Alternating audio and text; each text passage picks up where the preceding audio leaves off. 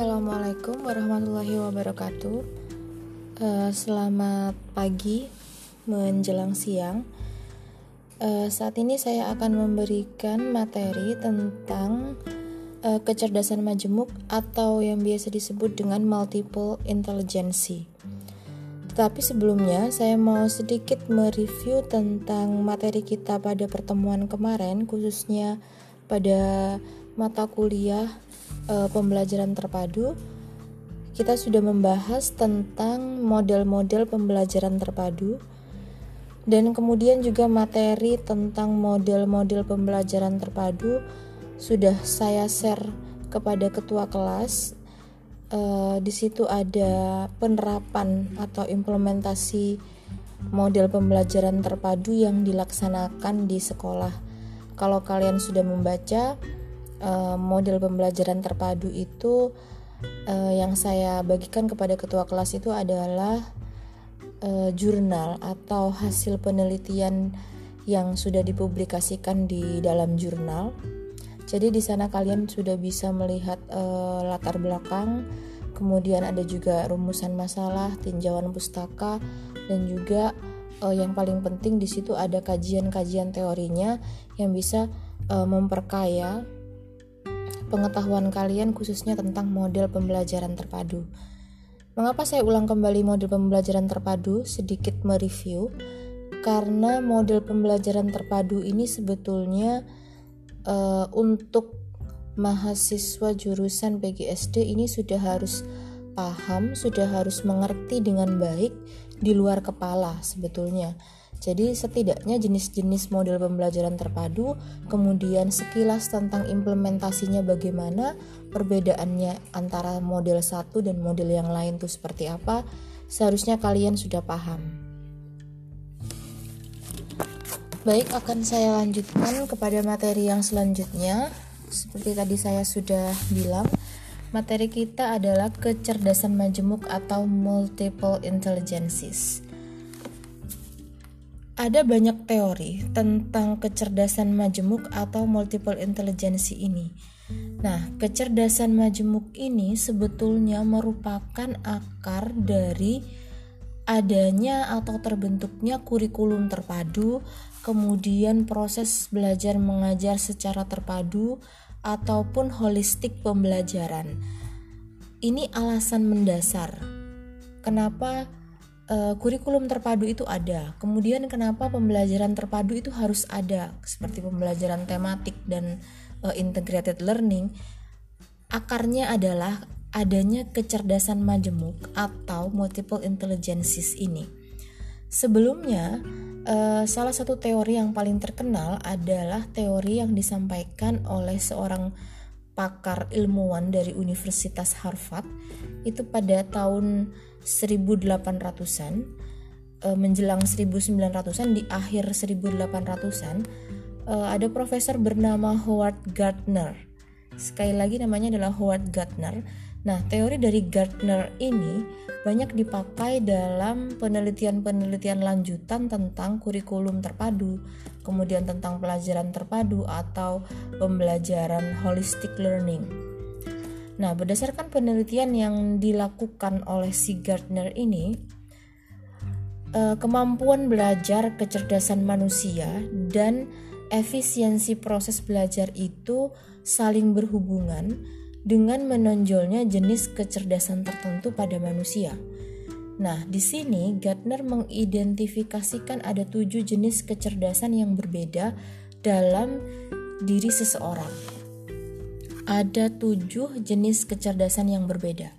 Tetapi sebelumnya saya mau sedikit uh, menjelaskan tentang bahwa manusia itu kecerdasannya tidak lagi dilihat hanya dari IQ atau intelligence quotient, tetapi juga dilihat dari uh, kecerdasan lain.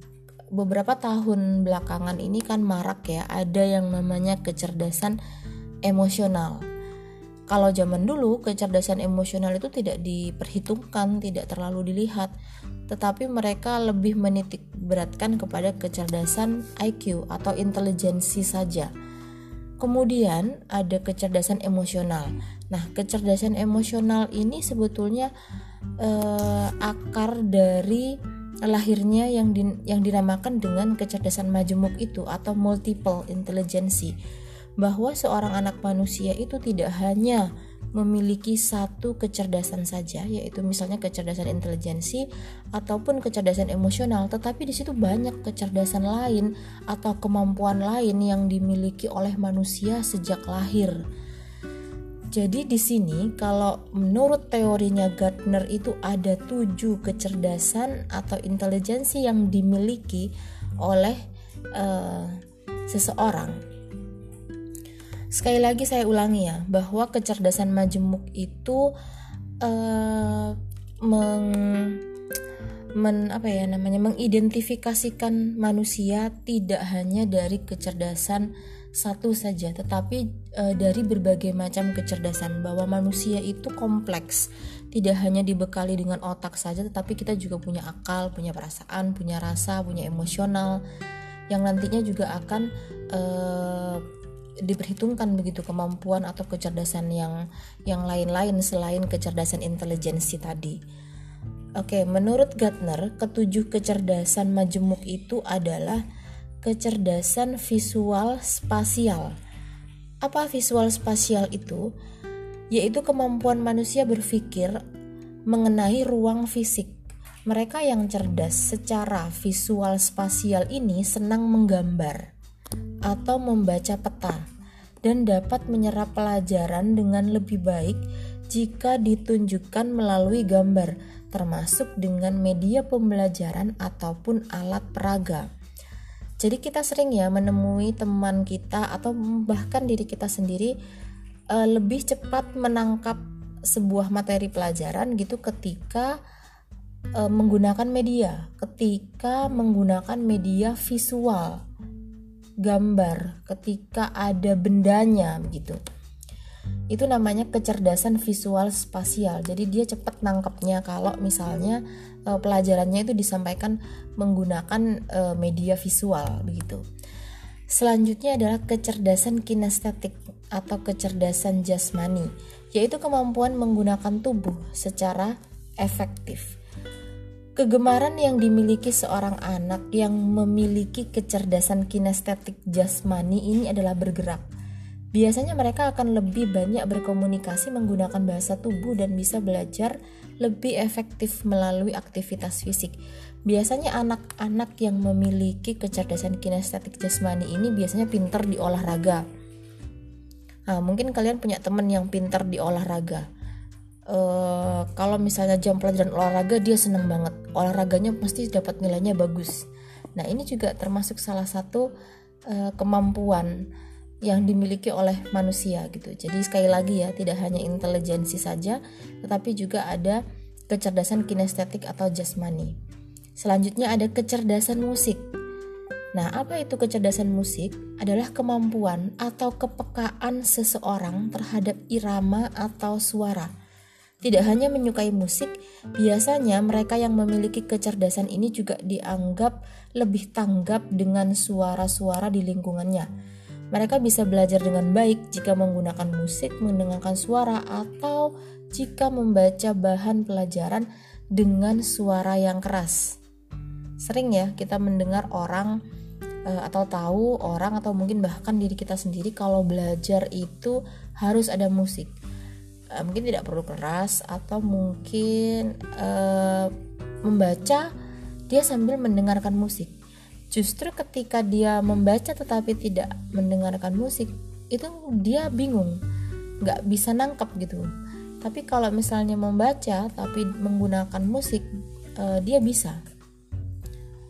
Atau mungkin ada juga di antara teman-teman kalian yang ketika pelajaran seni musik itu dia cepat nangkepnya kayak membaca notasi kemudian menggambar not balok kemudian mengikuti irama musik ada yang cepet ya ada juga yang lambat kan.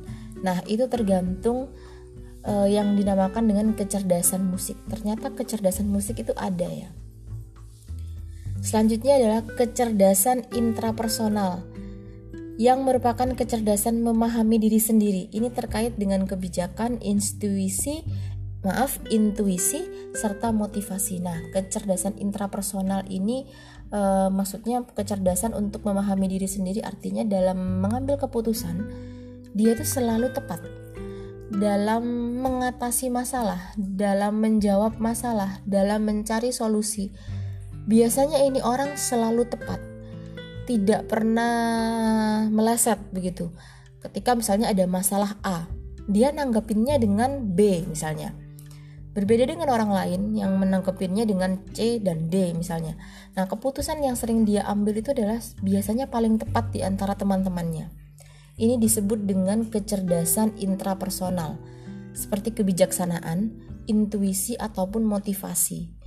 Nah, dia misalnya e, orangnya cepat termotivasi. E, kepekaan ya. Di sini sekali lagi ini kecerdasan intrapersonal itu uh, ada hubungannya dengan kepekaan memahami diri sendiri. Selanjutnya yang kelima ada kecerdasan linguistik yaitu kemampuan menggunakan kata secara efektif. Ini mungkin kemampuan berkomunikasi, kemampuan menggunakan kata-kata atau mengolah kata-kata sehingga menjadi sebuah susunan kalimat yang baik atau yang bagus. Kecerdasan linguistik ini misalnya kita bisa lihat di pembawa acara atau mungkin e, penguasaan bahasa asing yang baik. Kemudian juga ketika dia berbicara dia bisa entah bagaimana anak ini bisa mengatur kata-kata itu menjadi sebuah susunan kalimat yang baik. Pernah ya kita melihat orang yang seperti itu ya? Nah itu disebut dengan kecerdasan linguistik. Nah oke selanjutnya ada kecerdasan interpersonal kecerdasan yang digunakan untuk berinteraksi dengan orang lain. Nah, kecerdasan interpersonal ini penting. Kita sering ya menemui orang yang sulit bersosialisasi, orang yang sulit berkomunikasi dengan orang lain, orang yang sulit berinteraksi dengan orang lain. Ketika ketemu orang lain nggak tahu mau ngomong apa. Jadi dia terkesan sombong begitu misalnya. Nah, ini masuk ke dalam kecerdasan interpersonal, yaitu kecerdasan untuk berinteraksi dengan orang lain. Kadang kita menemukan ya, atau bertemu dengan anak yang pintar komunikasi dengan orang lain, e, memiliki banyak sahabat, begitu. Itu masuk ke dalam dia yang memiliki kecerdasan interpersonal. Selanjutnya ada kecerdasan logis matematis. Nah, ini sepertinya dari e, katanya ada Kata logis dan matematis berarti orang yang memiliki kecerdasan menalar dan menghitung. Mereka yang memiliki kecerdasan ini suka bereksperimen, memecahkan teka-teki dan juga bermain konsep serta logika. Ini jelas ya, biasanya ada orang yang uh, pandai menghitung, ada orang makanya terkadang kita ya dibilang ada orang eksak begitu ya. Orang eksak, orang-orang yang uh, cepat dalam berhitung, orang yang senang dalam bermain angka, misalnya begitu. Nah, itu tadi ketujuh model kecerdasan menurut Howard Gardner, yaitu kecerdasan multiple intelligence atau kecerdasan majemuk yang dimiliki oleh manusia. Lalu pertanyaan selanjutnya, Bagaimana mengembangkan kecerdasan majemuk ini kepada anak? Bagaimana ketika kita sudah tahu, ketika kita sudah sadar bahwa seorang anak itu tidak hanya memiliki kecerdasan intelijensi tetapi juga e, memiliki kecerdasan majemuk. Kita sebagai pendidik apa yang harus kita lakukan? Oke, di sini ada sebuah uh, kalimat yang bagus. Saya bacakan. Dalam mengembangkan kecerdasan majemuk, studi mengenai pikiran dan teori mengenai kecerdasan manusia mengarahkan perhatian kepada tiga, tiga bidang khusus mengenai bagaimana kecerdasan itu dapat terbentuk. Yang pertama, harus memahami kondisi lingkungan dan pesan yang disediakan untuk anak. Kedua, yaitu jenis dukungan dan hubungan yang berkembang antara pendidik dan anak-anak, bahkan antara orang tua, pengasuh, dan anak-anak jika berada di lingkungan rumah. Ketiga, kebutuhan memasangkan apa yang kita ketahui mengenai cara anak menjadi cerdas dan mempelajari strategi mengajar untuk memaksimalkan perkembangan setiap anak. Ada tiga, ada lingkungan, kemudian pendidik, hubungan pendidik dan dukungan pendidik dan anak-anak, kemudian kebutuhan anak-anak. Jadi ada tiga hal itu yang perlu kita uh, perhatikan untuk mengembangkan kecerdasan majemuk pada anak atau multiple intelligences pada anak. Jadi perlu dipahami bahwa memang penting untuk mengajarkan semua jenis kecerdasan pada anak sebetulnya. Namun tidak boleh dipaksakan. Sekali lagi tidak boleh dipaksakan. Karena secara alami masing-masing orang atau masing-masing anak itu memiliki kelebihan dan kekurangan.